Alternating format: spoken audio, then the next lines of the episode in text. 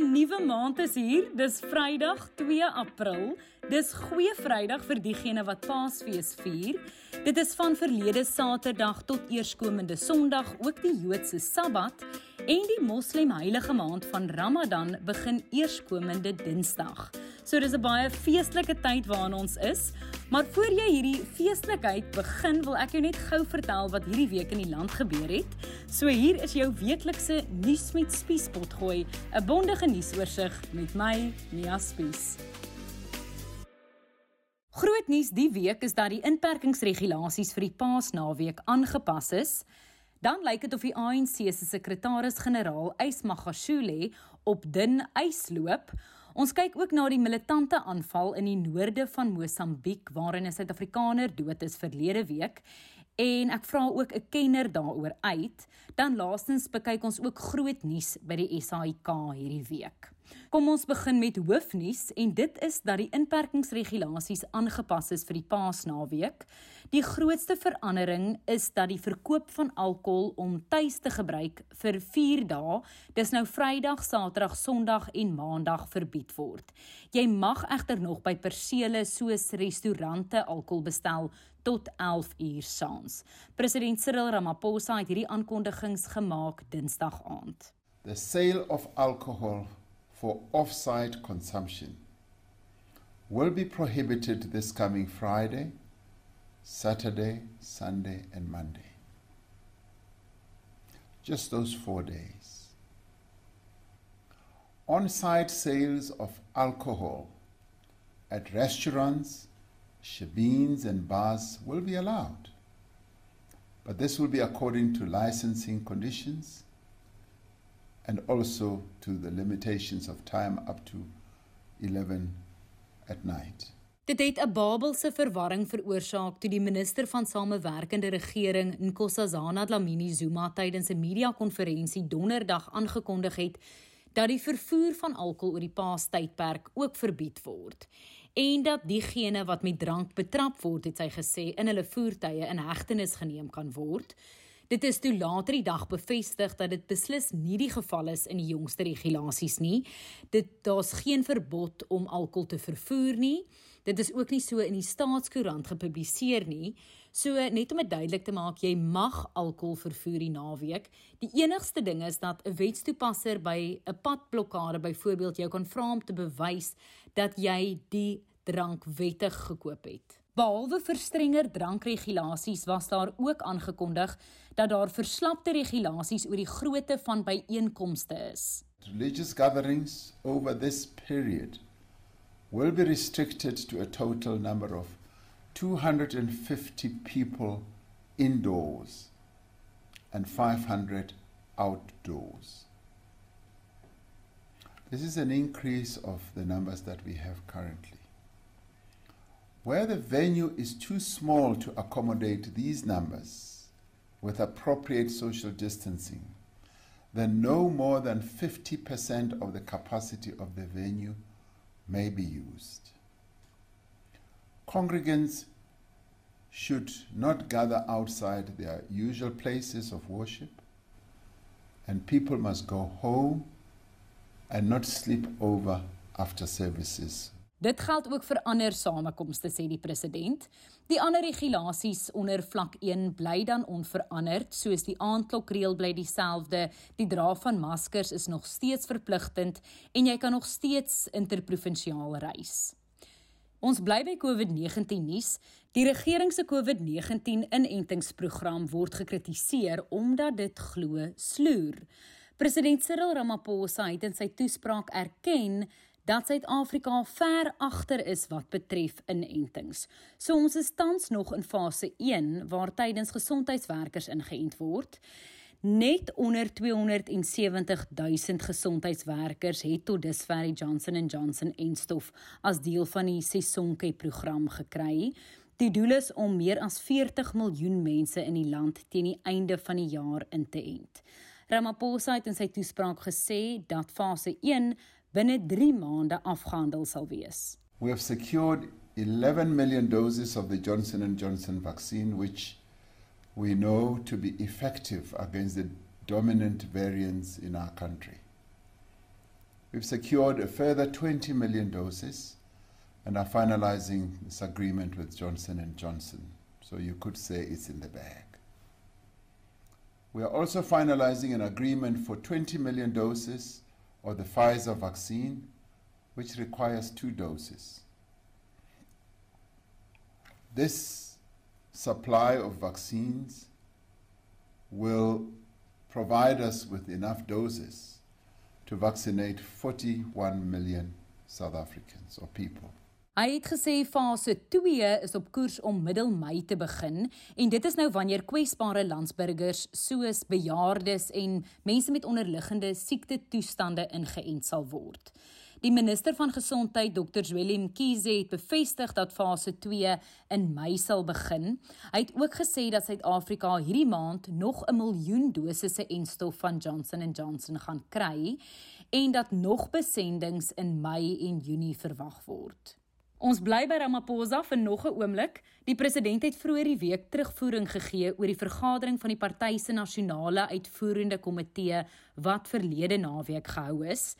En dit is toe dat hy aangekondig het dat die regerende party se belangrikste liggaam, die NEK, besluit het dat alle lede wat van korrupsie aangekla word, binne 30 dae hulle posisies moet ontruim of geskort word.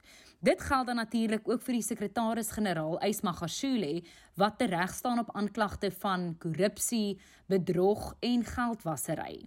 En dit hou verband met die Asbes um, behuisingsprojek terwyl hy die Vrystaatse premier was. All members who have been charged with corruption or other serious crimes must step aside within 30 days.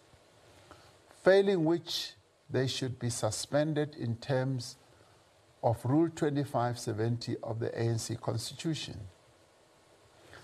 The meeting emphasized that the 30 day period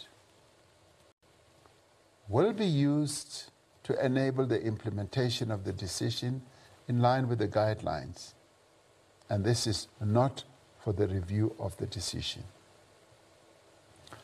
The NEC also agreed that the provincial chairpersons and secretaries would meet with the national officials during the time to further refine the guidelines, to make additions, and to sharpen them to ensure the resolution can be effectively and practically implemented.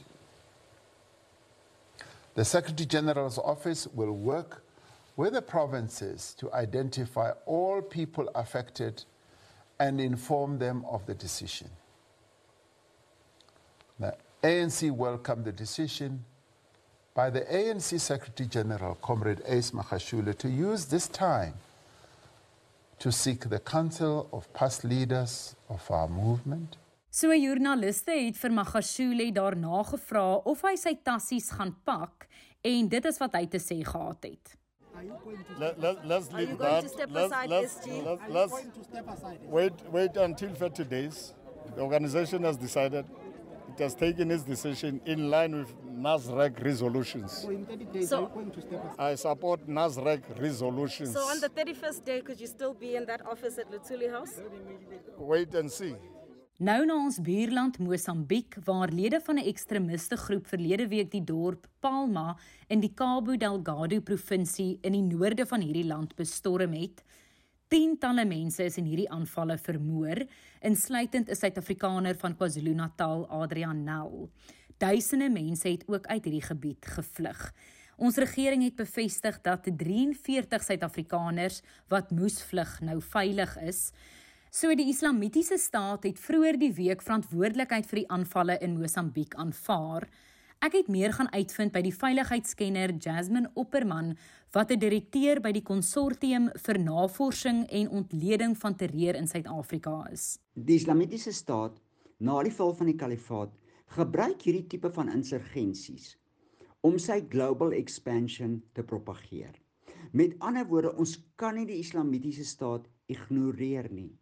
Na 46 ehm um, claims to credit is dit duidelik dat daar een of ander dat daar kommunikasie is, maar ons moet baie versigtig wees om dit te sien alreeds as die islamitiese staat wat leiding neem in die insurgensie.